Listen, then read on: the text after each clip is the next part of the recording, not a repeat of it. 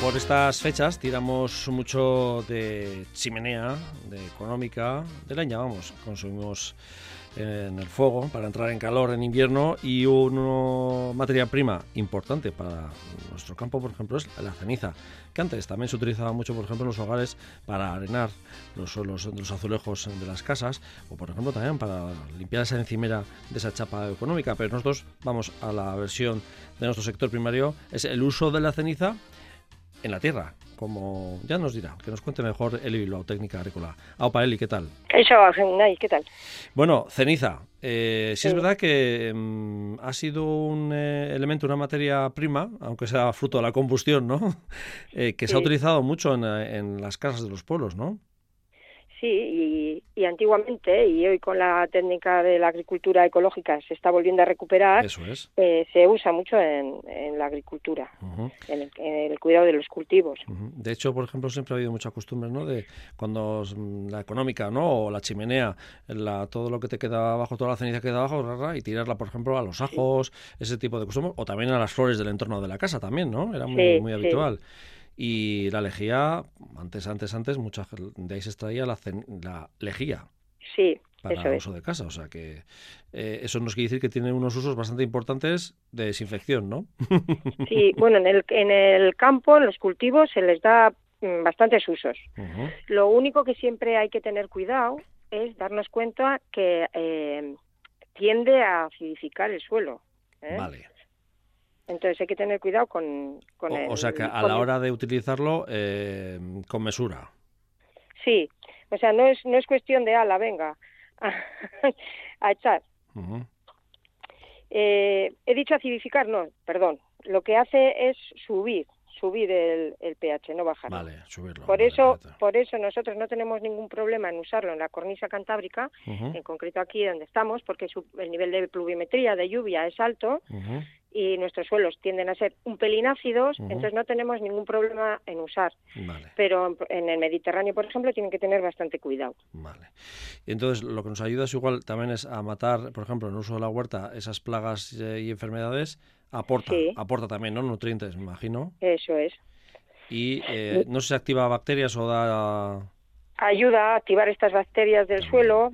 En alguna ocasión hemos hablado de los microorganismos. Cuando hablamos del suelo, de la tierra, Sí. la tierra sin estos, sin estas bacterias, sin estos microorganismos, eh, se diría que está muerta. Vale. Entonces, para que la tierra esté viva, para eh, esta ceniza, pues lo que nos ayuda es esto, pues activar las bacterias. Claro, eh, estamos hablando de ceniza, pero esto es como todo, ¿no? Mm, Cualquier ceniza no vale, digo, porque mm, a veces cuando, bueno, si por ejemplo en zonas de Álava o Navarra tienes la suerte fogueral, que suele decir, eh, de lo que es el- la leña comunal, ¿no? Eh, o cuando has comprado haya o roble, pues bueno, ahí no hay problema, pero cuando de repente dices, bueno, vamos, esta, esa ventana vamos a partirla en cuatro cachos y, y al fuego, y ahí va con otros elementos que no son buenos, ¿no? No. Cuando hablamos de cenizas para el uso en la agricultura, sobre todo en la agricultura ecológica, Sí. eh, de lo que estamos hablando es de la quema, de la del resultante de la quema de la, mane- de la madera, de madera normal, no de, no de conglomerados, ni nada que lleve pinturas, barnices, Eso es. eh, no de una ¿no? hoguera que hemos hecho ahí, que hemos echado de todo, no. Tiene Claro. que ser, pues, pues eso, los sarmientos, los trozos de la poda, mm, la, la de la chimenea baja, Sí, donde bajo. echamos normalmente pues eh, maderas, madera de árbol, esa es la que esa es la que nos, nos sirve. O sea, que los conglomerados también esos contrachapados, no. nada. No, porque esos llevan colas y no. Vale, por si no acaso. digo, para, para que, quitar dudas aquí al personal, por si acaso. Bueno, esa labor de insecticida y fungicida de alguna manera, ¿no? Sí, bueno, contra las mucha gente ya lo usará, pues más que para para eliminarlos, sí para repelerlos, pues a las babosas, limacos, los caracoles, eh, incluso a algún gusano de suelo. Y para ello lo que tenemos que hacer es, en el caso de las babosas y, y, limaco y caracol, pues lo típico esto de bordear la planta. O sea, eh, echarle en el, entorno de la planta, ¿no? Se le va a pegar en el, en el vientre al animal, no va a poder pasar. Estas trampas también se suelen hacer con los pozos de café, con las cáscaras de, muy, muy molidas de, de los huevos. Es como hacerles una trampa, hacerles este inconveniente para que no para que no pasen. En cuanto, por ejemplo, si queremos a, estos gusanos de tierra, blancos, regordetes que nos comen las plantas desde abajo. Sí. Sí. Pues esto es, a mí me gusta ponerlo toda la superficie de cultivo donde vamos a, sabemos que otros años haya, ha habido incidencia de estos gusanos y enterrarla someramente. Vale. También se puede poner eh, en cobertera, en superficie, pero bueno, a mí me gusta porque el gusano está abajo. Esto me imagino que cuando llueve o nieva eh, hay que repetir ¿no? la acción. Sí, en cuanto tú ves que va desapareciendo, en el, yo por ejemplo, en cuanto a lo de las trampas estas que te decía para coracoles, como hay que estar reponiendo constantemente, pues por un tema de que también nos pueden ir moviendo un poco el, el pH, pues yo lo iría alternando con otras técnicas como el de la cerveza, el de los pozos de café o el del... que, no tenemos que abusar, que es lo que decíamos, ¿no? Aparte de no echarle en cantidad, no... Ahora, ha, llovido hoy, mañana echamos otra vez, pasado. Sobre todo sin saber qué pH tiene nuestra tierra. Vale. Que ese es un inconveniente. Pero, por ejemplo, luego, por ejemplo, para otro tipo, hacer otro tipo de insecticida, incluso de fungicida, se puede hacer un caldo. Un caldo con esta ceniza. Vale, estos caldos que en esto tú eres experta. Vamos con la receta. la receta es muy sencilla. Es mezclar un kilo de ceniza de madera. Vale.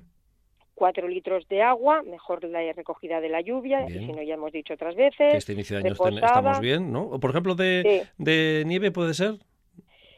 Pues mira, suelen aconsejar que no. Igual que para el ser humano suelen aconsejar que no es bueno beber nieve. Sí, sí, es verdad. O sea que es mejor que Bueno, yo pregunto, ¿eh? por si acaso, como hemos tenido hoy todavía, bueno, puede caer algo. Ahora, del deshielo de la nieve, igual, Eso sí, igual sí. Que, sería como de río o así. Bueno, vamos bien. Luego eh, le echaríamos 100 gramos de jabón potásico. Esto se compra en cualquier tienda Garden. Y esto lo mezclaríamos en una olla metálica. Mezclaríamos todo bien y, lo iríamos removiendo con, o sea, lo pondríamos al fuego 20 minutos, un fuego plo, plo, plo, plo, y lo iríamos removiendo siempre con un palo. No mete plástico, nada, con, Un, con un palo. Al final se deja de estos 20 minutos, se deja enfriar, se filtra con un colador de estos tipos de café, de tela. Sí, como los de antes todavía, bueno, que todavía se usan, sí, sí. Y se, se mete en una botella. Estos caldos se pueden aplicar por la mañana o a última hora de la tarde. Estamos evitando todo el rato eh, que pegue el sol eh, en una planta que hemos mojado. Vale. Y se usa como en pulverización. Vale, o sea que tenemos que comprar un pulverizador, ¿no? De sí, o tenemos alguno en casa que lo hemos reciclado de, algún otro producto. Se mojará bien la planta, como decimos siempre, por las hojas por el haz y por el envés, por delante y por detrás, viene el tallo y eh, esto nos serviría tanto para los hongos como para los mm, bichos, para las plagas. Vale. ¿Qué tipo de repetición tenemos que hacer de productos? Bueno, pues cuando lo estamos usando como fungicida, se puede dar pues dos veces por semana si es que ya tenemos el hongo. Y una vez por semana si lo que queremos es prevenir que nos venga. Eso es. ¿Esto eh, más en primavera? Cuando tengamos eh, el hongo. Vale. Perfecto. Porque hay hongos que son más típicos de la época, de esta época, y hay, aunque mayoritariamente las plagas y los hongos, mm. porque el hongo se tienen que dar una pues una, un calor, o sea, una climatología, pero claro, podemos tener dentro de casa o podemos estar teniendo dentro de un invernadero, mm. con lo cual las temperaturas ya son más elevadas mm. y puede que haya hongos. Vale. Este caldo, por ejemplo, también se podría mezclar con un caldo de estos bordeles, que es mm, principalmente cobre, y se podría mezclar o, ir intercalando. intercalando, ¿no? Los dos. Las dos cosas. Vale. Y si lo vamos a usar como insecticida para alguna plaga tipo la cochinilla, por ejemplo, o los pulgones que son muy pesados, pues lo que tenemos que hacer es, cuando ya tenemos la plaga en nuestra planta, se da cada ocho días este caldo. Vale. ¿Eh? Y siempre, bueno, siempre que usemos estos productos, aunque sean caldos caseros, pues no está de más decir que hay que ponerse mejor unos guantes y ahora que ya estamos muy acostumbrados, unas sí, mascarillas. La mascarilla, sí. Me, me, ha llamado la atención lo de la mascarilla, pero eh, bueno, ahora lo utilizamos, ¿no? Pero no sabía que para este tipo de caldos también había que. Sí. Bueno, por si bueno. Está bien saberlo. A mí, a mí me gusta decir en mis cursos que, aunque decimos que son ecológicos, que son caseros, pues nosotros no vamos por la vida respirando ceniza. No, claro. Uh -huh. o, u otros productos naturales que usamos. Entonces, vale. no nos cuesta nada ponernos eh, una máscara y unos guantes. Uh -huh.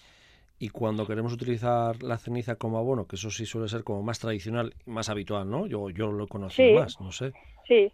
Bueno, es que date cuenta que esta ceniza de la que estamos hablando nos aporta muchísimos de los macronutrientes que, que las plantas van a necesitar. Uh -huh. Tienen, tienen potas, mucho, bastante potasio, luego también tienen calcio, magnesio, manganeso, tienen hierro, tienen aluminio, fósforo, o sea, es bastante completo. Uh -huh. Y la forma de, de, usarlo, pues sería por cada metro cuadrado de, de parcela, de suelo, sí. sería un kilo de, de, esta semilla. Y la echaríamos siempre antes de, de plantar o antes de sembrar. ¿eh? antes de llevar el cultivo a la tierra. Uh -huh. Y espolvo hay que espolvorear bastante bien. Uh -huh. Eh, no, no hay que tener la tendencia a dejar montones, ¿eh? uh -huh. porque si no se quedan como, hace como sal sí. en la zona y entonces puede perjudicar a, la, a las raíces vale. de las plantas o a la semilla le puede perjudicar y no llegar a, a germinar bien. Vale, y una cosa que tenemos que tener en cuenta, ojo, ¿no? Sí. Contus. Estamos otra vez hablando de lo de los de lo de los eh, pHs, ¿eh? Sí, sí. O sea, Vamos a los pHs ahora. Sí. Los pHs de la tierra, que son valores que mucha gente no los tiene en cuenta, puede hacer que, que, que ciertos cultivos que en el vecino se dan bien, a nosotros no se nos den bien. El pH del suelo puede cambiar cada pocos metros de la parcela. O sea, en una parcela no tiene por qué tener ni la misma estructura del suelo ni el mismo pH. Uh -huh.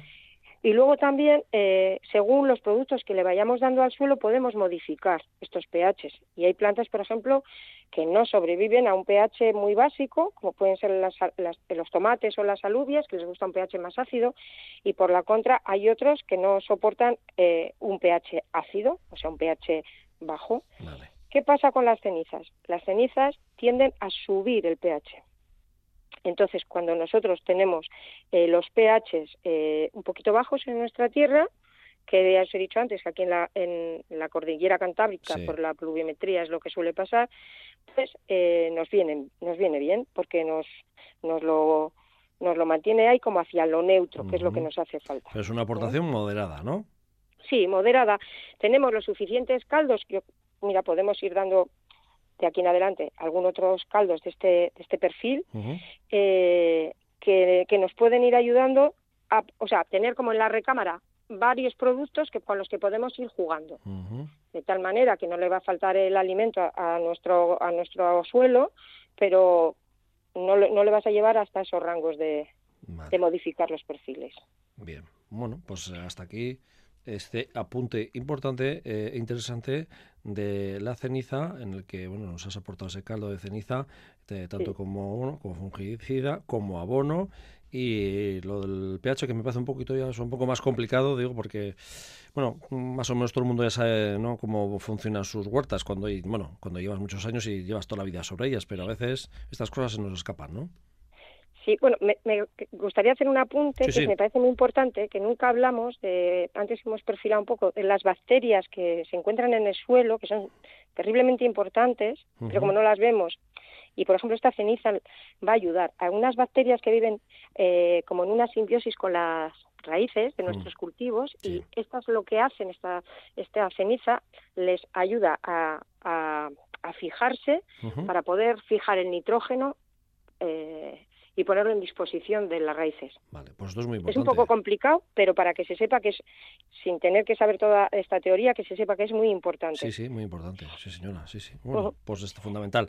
Bueno, aquellos que quieran saber más de tu vida hortícola en el huertodeli.wordpress.com o en Facebook, Elicol, el huerto deli. Ahí también pueden consultar más cosas. Y si no, también a través de la página web eitv.eus barra lurvisía. Y ahí, entre otros contenidos del programa, también está nuestra compañera Eli con Mi Huerto. ¿Te parece? Muy bien. Pues vale, Eli. Muchas gracias. Agur.